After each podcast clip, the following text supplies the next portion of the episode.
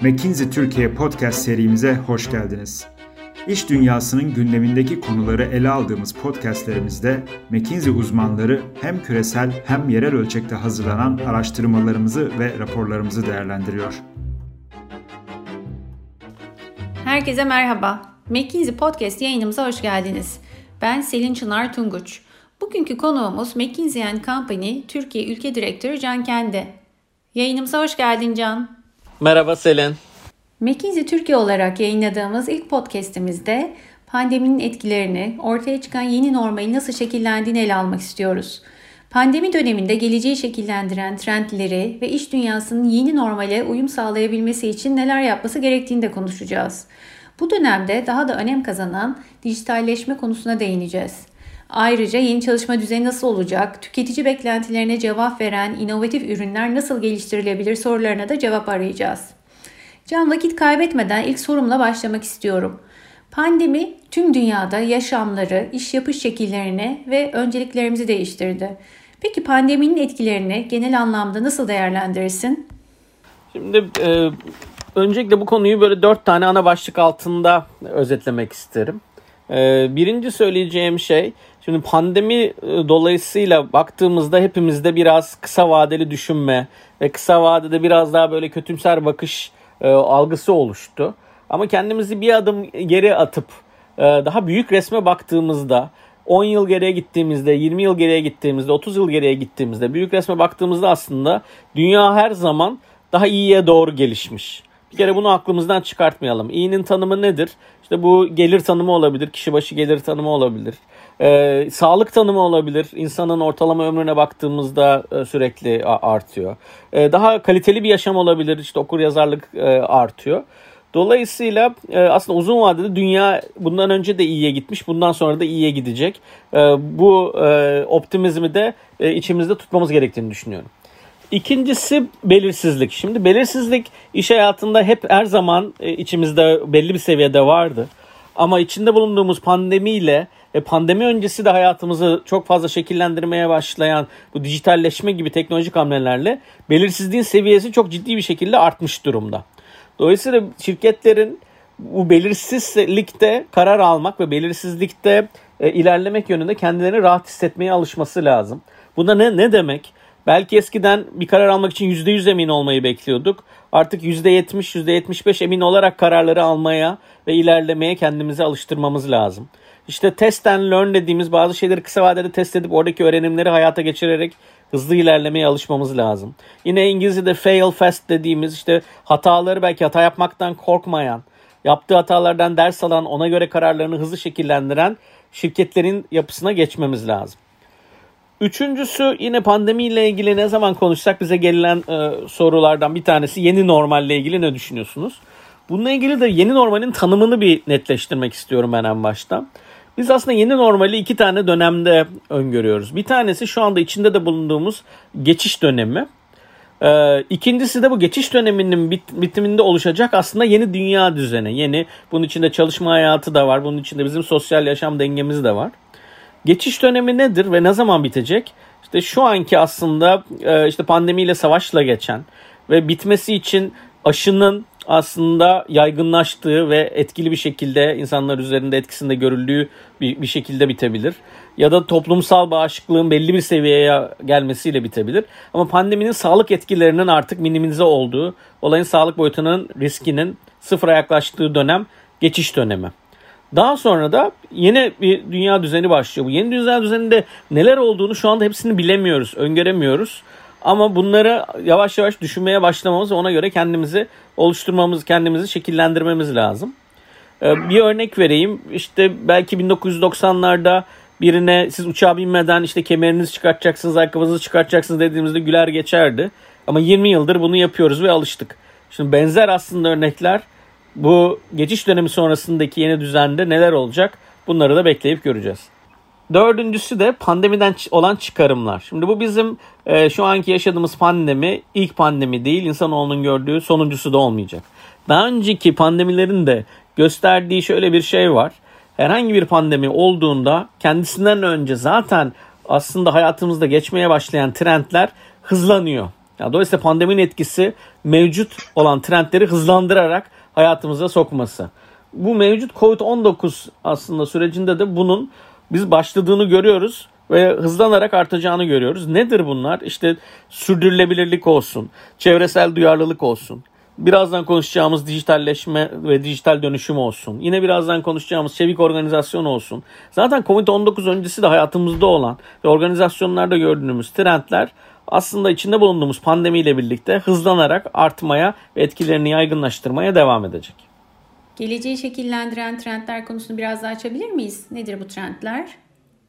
Şimdi evet en son bu hızlandırılacak trendlerden devam edeyim. Ee, şimdi McKinsey olarak biz e, aslında düzenli aralıklarla önümüzdeki 10 yıla, 15 yıla şekil vereceğini düşündüğümüz trendleri raporluyoruz. Bunun en son çalışmasında biz aslında pandemi öncesinde yapmıştık. Ama az önce de söylediğim gibi bizce bu trendler pandemiyle değişmedi. Etkileri hızlandı. Nedir bu trendler? Bunları da 3 tane başlık altında biz inceliyoruz. Birinci başlık aslında bizim global trendler dediğimiz aslında insanoğlunu global ölçekte etkileyeceğini ve etkilediğini düşündüğümüz trendler. Bunun altında da 3 tane ana başlık var. Birincisi yeni bir globalleşme tanımı. Nedir yeni bir globalleşme tanımı? Özellikle son 10 yıla baktığımızda bizim klasik anlamda bildiğimiz globalleşme ki nedir o? İşte mal ya da bir hizmetin belli bir ülkeden öbür ülkeye transferi ya da sermayenin bir ülkeden başka bir ülkeye transferi ya da yatırımı anlamında kullanıyorduk biz genelde globalleşmeyi. Son 10 yıla baktığımızda aslında bu kendi bildiğimiz anlamda globalleşmede bir yavaşlama görüyoruz. Ama farklı bir globalleşme hızlanarak devam ediyor. Nedir o? İnsanların ve fikirlerin aslında ülkelerden ülkeye taşınması. İnsan taşınmasının tabii bir turizm bacağı var. Şimdi pandemiyle biraz yavaşladı. Ama daha da önemlisi bir okuma ya da bir iş amaçlı başka bir ülkeye yerleşme e, bacağı var.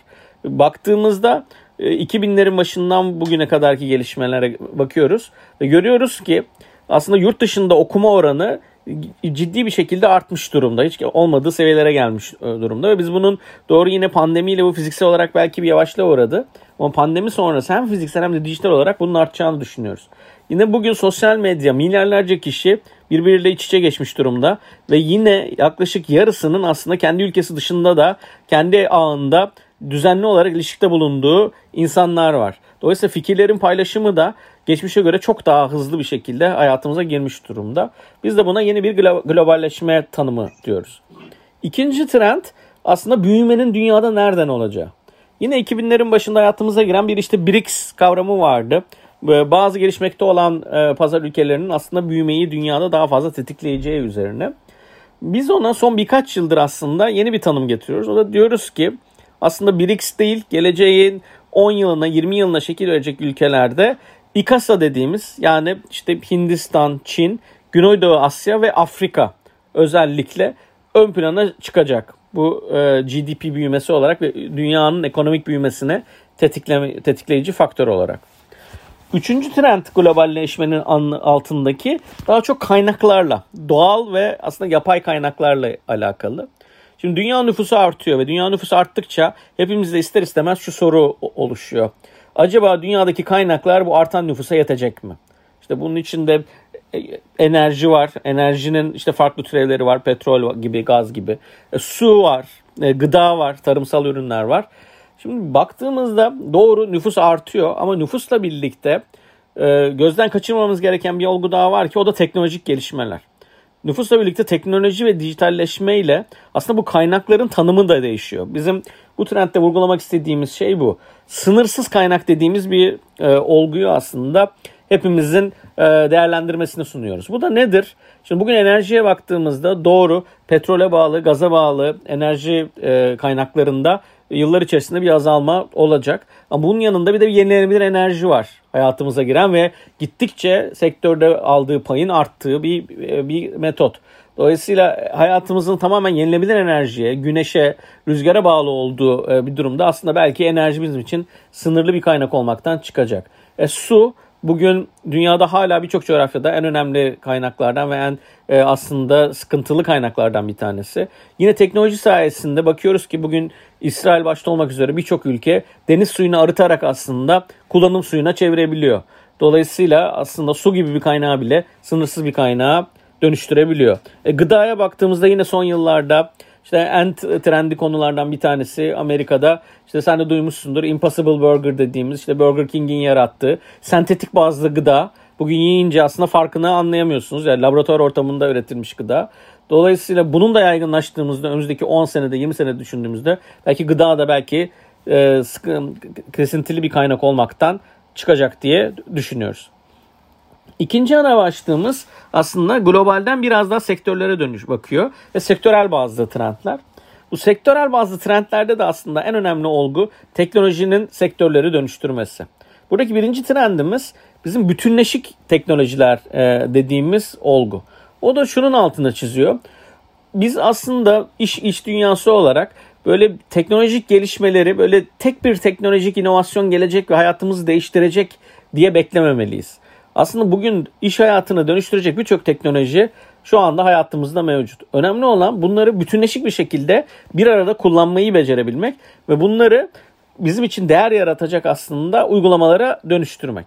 E, nedir bu? Bugün baktığınızda işte bu e, işte otonomous insan şey e, kendi kendine hareket eden araba örneğini verelim. Şimdi bu teknoloji tek bir teknoloji değil aslında. Onun çalışabilmesi için işte sensör teknolojisi var, lokasyon, coğrafi lokasyon teknolojisi var. İşte connectivity dediğimiz aslında bir telekomünikasyon altyapısı var. Onun içerisinde çalışan algoritmalar ve onunla ilgili bir ileri analitik katmanlar var. Dolayısıyla aslında birçok farklı teknoloji birleşip insan hayatı için çok önemli bir inovasyonu hayata geçiriyor. Dolayısıyla bizim bu trendde vermek istediğimiz mesaj teknolojileri böyle tek tek takip etmek yerine yani bütünleşik olarak biz mevcut teknolojilerden nasıl bir değer yaratırızı liderler olarak düşünmek. İkincisi sektörler altındaki trendlerden yıllar içerisinde yine teknolojinin de e, sayesinde değerin daha çok son kullanıcılara ve müşterilere geçmesi. E, e, nedir bu?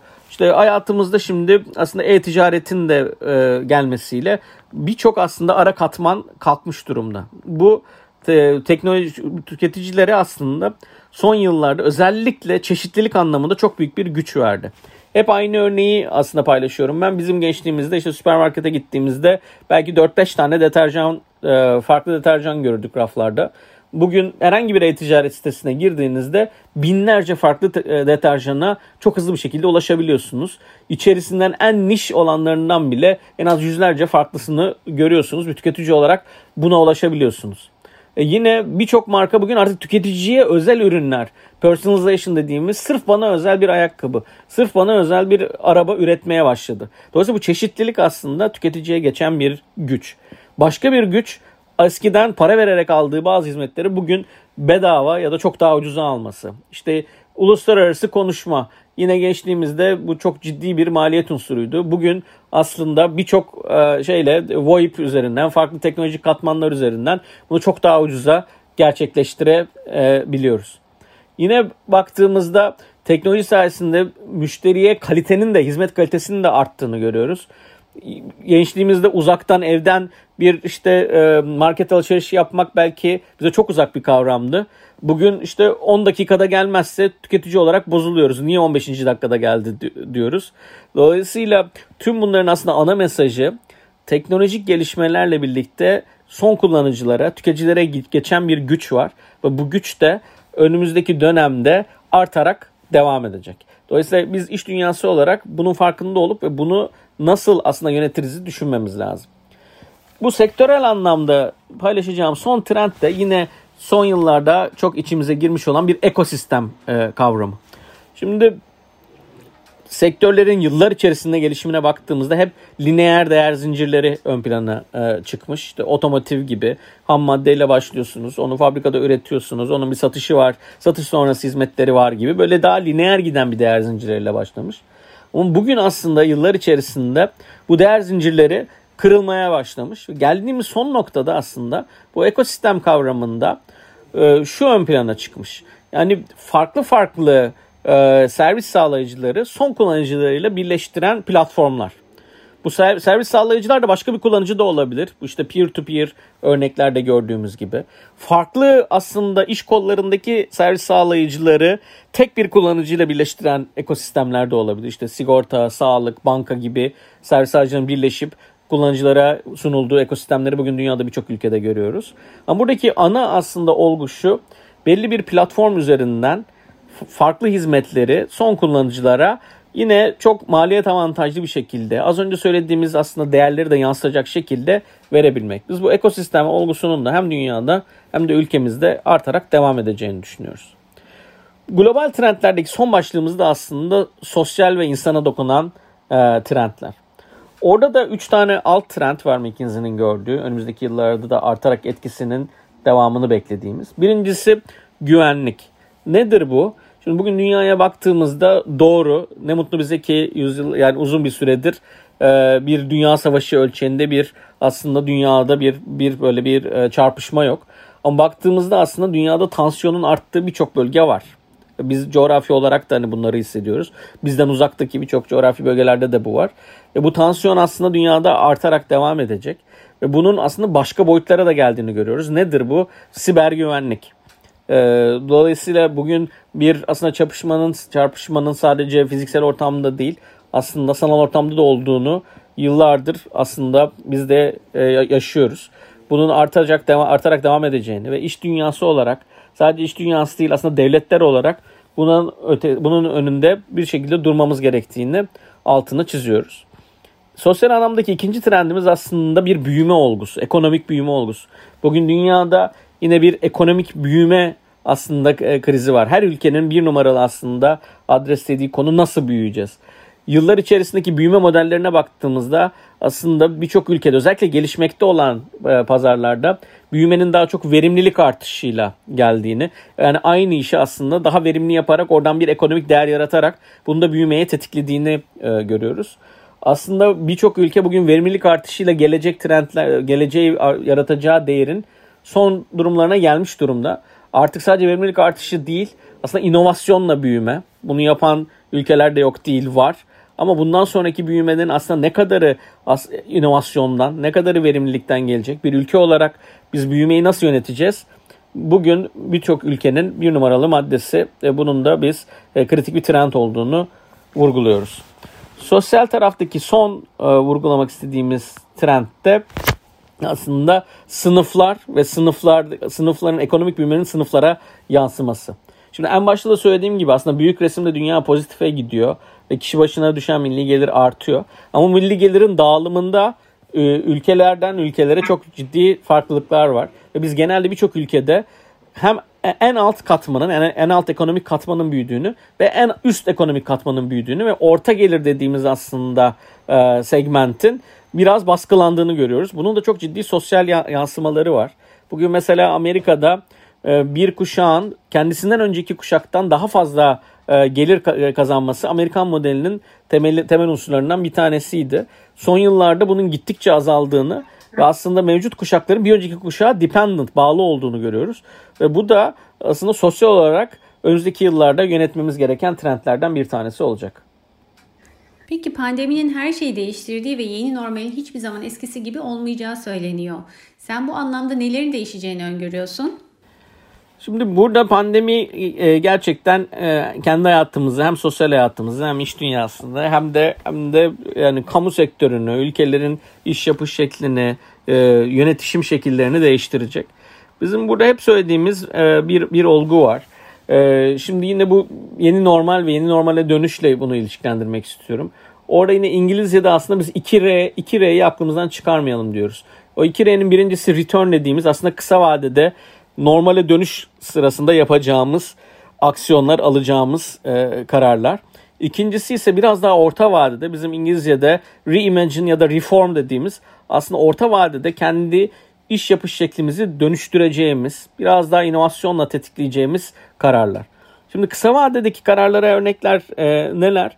Şimdi dediğim gibi pandeminin aslında sağlık etkileri azalmaya başladıkça biz normale dön, dönme sürecine kendimizi e, koyuyoruz. Burada iş dünyasındaki liderler olarak bu geçiş dönemindeki aslında öğrenimlerimizden hangileri bizim için faydalı? Çünkü biz bu süreçte aslında çok şey öğrendik.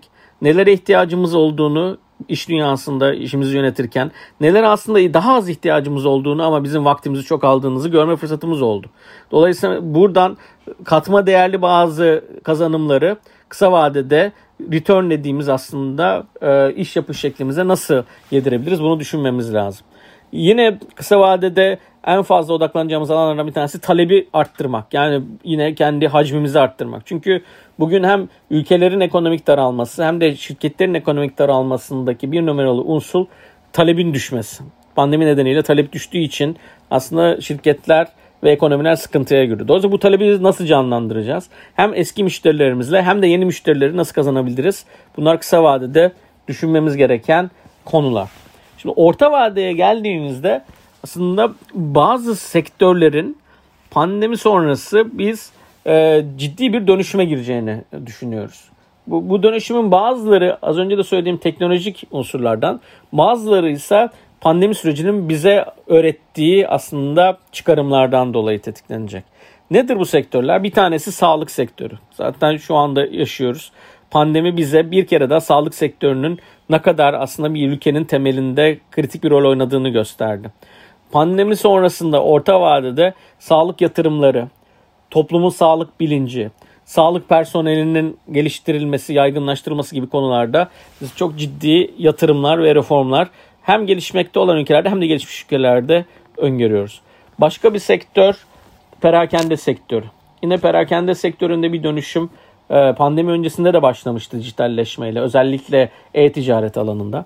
Ama pandemi sonrası özellikle bizim işte on-premise e, dediğimiz yani uzaktan ticaret değil ama dükkan içerisindeki aslında müşteri yolculuğu ve müşteri deneyiminin ciddi bir şekilde dönüşeceğini, e, dükkandaki aslında müşteri davranışlarının bu işte ürünleri denemekten karar alma, ödeme sürecine kadar teknolojiyle başta uçtan uca dönüştürüleceğini ve yeni bir aslında nasıl havayolu sektörü son 20 yılda e, değişti. Perakende sektöründe de benzer dönüşümlerin hayatımıza geçeceğini düşünüyoruz. Üçüncüsü de eğitim. Eğitim yine pandemiyle aslında şu anda e, zorunlu da bir şekilde uzaktan eğitim pandemi öncesi başlayan trendin hızlanarak devam ettiğini düşünüyoruz, görüyoruz. E, bunu da baktığımızda pandemi sonrasında bu uzaktan eğitimin her her dönemde yani bu sadece ilk orta e, lise öğrenimi değil. Aslında hayat boyu eğitimde de e, uzaktan eğitimin yansımaları ve e, kişilere kazandırdıkları artarak devam edecek. Eğitim sektörü de kendini tamamen yeniden şekillendirecek. Son olarak birkaç tane de fonksiyonu paylaşmak isterim. Çünkü yine pandemi süreci bize gösterdi ki bazı fonksiyonlar yeni normalde aslında kökten değişmek zorunda. Bunlardan bir tanesi risk. E, risk yönetimi e, algısı e, hep geçmişten günümüze baktığımızda aslında daha çok bizim İngilizce'de işte compliance dediğimiz daha aslında böyle bir kontrol etme e, fonksiyonu gibi daha bir destek fonksiyonu gibi e, algılanıyordu birçok şirkette. Ama bu pandemi ve pandemideki o belirsizliğin yönetimi de bizi gösterdi ki aslında e, risk bir compliance ya da böyle bir e, kontrol fonksiyonu değil. Bizim İngilizce'de ne resilience e, dediğimiz aslında tamamen bir yönetişim aslında fonksiyonu. Ve biz bugün birçok şirkette riskin alınan günlük kararlara çok daha hızlı müdahale ettiğini, o kararlara aslında risk algısı ve aslında sayısallaştırılmış bir e, analizle gelerek şirketlerin o belirsizliği yönetmesine çok daha aslında ciddi bir katkıda bulunduğunu e, gözlemliyoruz. Dolayısıyla risk, risk fonksiyonunun önemi yeni normalde artarak devam edecek. İkinci fonksiyonda tedarik zinciri yönetimi. Yine pandemi ve pandemiyle aslında e, değişen iş yapı şekilleri bize gösterdi ki bizim klasik anlamda anladığımız tedarik zinciri yönetiminin yeni normalde ciddi bir şekilde yeniden değiştirilmesi, gözden geçirilmesi gerekiyor. Bunun içerisinde sadece işte alternatif tedarikçiler bulmak globalde e, yok. Neleri kendimiz üreteceğiz, neleri yakında üreteceğiz, neleri e, mevcuttaki uzaktaki tedarikçilerden almaya devam edeceğiz. Tedarikçi anlamındaki görünürlüğümüzü nasıl arttıracağız? Ben tedarikçiyi nasıl yöneteceğim? Bazı aslında e, metrikleri tedarikçi de daha bana gelmeden nasıl e, takip edeceğim gibi olguların tedarik zinciri yönetiminde yeni normalde artarak devam edeceğini öngörebiliriz. Bahsettiğin öngörüler dinleyicilerimizin gelecek dönemi planlamalar için mutlaka yararlı olacaktır. Ee, peki zorlu pandemi sürecinde ve sonrasında yeni normalde hayatta kalmaya çalışan şirketlere ne gibi tavsiyelerin olur? Burada üç tane şeyin altını çizmek isterim. Birincisi az önce hani e, açıkladığımız bu 9 tane e, trendi takip etmek. Çünkü bu işte global trendlerden bahsettik, sektörel trendlerden bahsettik, toplumsal trendlerden bahsettik. Bu trendler bizce önümüzdeki 5 e, yıla da damgasını vurmaya devam edecek ve az önce de söylediğim gibi pandemiyle bunların birçoğunun aslında etkisinde hızlanarak e, hayatımıza temas ettiğini görüyor olacağız. Dolayısıyla bu trendleri takip edip bu trendlerin bizim işimize olan etkileri kısa, orta, uzun vadede ne oluru düşünmek e, lazım. İkincisi e, iş yapış şeklimiz ve insan bacağı konunun. Şimdi yine pandemi öncesi hayatımızda olan bir çevik yönetişim, işte agile e, iş yapış şekilleri kavramı vardı. Şimdi bu pandemiyle çalışma hayatımız tamamen yeni bir e, aslında yöne evrildi. Bu sadece uzaktan çalışma bacağı yok bunun. Uzaktan çalışmanın yanı sıra aslında kararların çok daha hızlı alındığı, aslında üst yönetime ve karar vericilere çok ciddi bir şeffaflığın geldiği, takımların daha bir birbirleriyle daha kenetlenerek çalıştığı bir dönemden bahsediyoruz. Ve biz bunun da hızlanarak devam edeceğine, aslında şirketlerin gittikçe daha az katmanlı yapılara bürüneceğine, yine en başta söylediğim o farklı bir globalleşme başlığı altında insanların ve fikirlerin uluslararası seyahat etmesi altında vurguladığım, bazı belki şirketlerdeki fonksiyonların işte global bazı yetenekler tarafından belki geçici kontratlarla e, aslında karşılanacağı gibi yani iş yapış şekli, organizasyon, şirketlerdeki yeteneklerin yönetim gibi kavramların tamamen dönüşeceği bir döneme giriyoruz. Dolayısıyla liderler olarak bu dönüşümün şekillendirilmesinde de hepimize önemli bir görev düşüyor. Üçüncüsü de dijitalleşme. Yine çok fazla kullandığımız bir kelime oldu. Dijitalleşme de son yıllarda çok jenerik olarak içimize girdi. Birçok lider de bunu e, kullanıyor. Ama biz ne yazık ki sadece birkaç şirketin bunu özümsediğini ve onun getirdiklerini uçtan uca yaptığını görüyoruz. E, nedir bu? Birçok aslında lider dijitalleşmeyi stratejinin bir, bir aslında sonrası gibi görüyor. Yani şöyle konuşmaları biz çok fazla gözlemliyoruz. İşte biz önce bir 5 yıllık stratejimizi oluşturalım. Ondan sonra dijitalleşmeye karar verelim.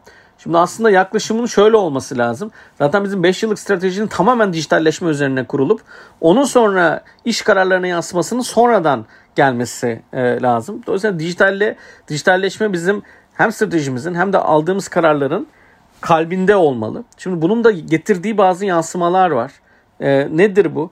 İşte olay sadece dijitalleşme de bitmiyor. Müşteri odaklı yaklaşım. Yine son yıllarda çok içimizde olan bir design thinking, işte tasarım odaklı, müşteriyi içselleştirme, işte test and learn dediğimiz bazı şeyleri işte e, e, test edip ondan sonraki or- oradaki öğrenimleri hızlı bir şekilde karar, kararlarımıza yansıtma gibi kavramların dijitalleşmeyle bir bütünleşik çerçevede içimize girmesi. Yine dijital dönüşümü yaparken bazı şeyleri de yapmayı bırakmayı öğrenmek. Yani dijitalleşme demek işte yaptığımız şeylerin yanına bir de yeni bir dijital kanal açıyoruz gibi basit bir şekilde aslında yönetmektense onu yaparken bazı şeyleri de nasıl aslında yapmayı bırakacağızın da kararını alıp hayatımıza geçiriyor olmamız lazım. Ancak bu tarz yaklaşımlarla dijitalleşmenin insan bacağı, geçmişten beri yaptığımız alışkanlıkları sonlandırma yansımaları gibi, stratejinin temelini oturtma gibi bakış açılarıyla gidersek dijitalleşmede arzu ettiğimiz değerleri yaratabiliriz. Can çok teşekkürler. Ben teşekkür ederim. Belirsizliklerin yüksek düzeyde olduğu bu dönemde bugünü daha iyi anlamamızı ve geleceğe ilişkin daha net görüş kazanmamızı sağlayacak bilgiler aldık. Yayında ele aldığımız konularla ilgili daha detaylı bilgi almak isteyen dinleyicilerimize bir de hatırlatma yapmak isterim. McKinsey.com web sitemizde burada ele aldığımız tüm konulara ve daha fazlasına ilişkin raporlarımıza, makalelerimize ulaşabilirsiniz. Başka bir yayında tekrar görüşmek dileğiyle. Hoşçakalın. McKinsey Türkiye podcast'imizi dinlediniz. McKinsey Company hakkında daha detaylı bilgi almak ya da farklı konularda hazırladığımız kapsamlı rapor, araştırma ve makalelere ulaşmak isterseniz mckinsey.com adresini ziyaret edebilir, sosyal medya hesaplarımızdan bizi takip edebilirsiniz.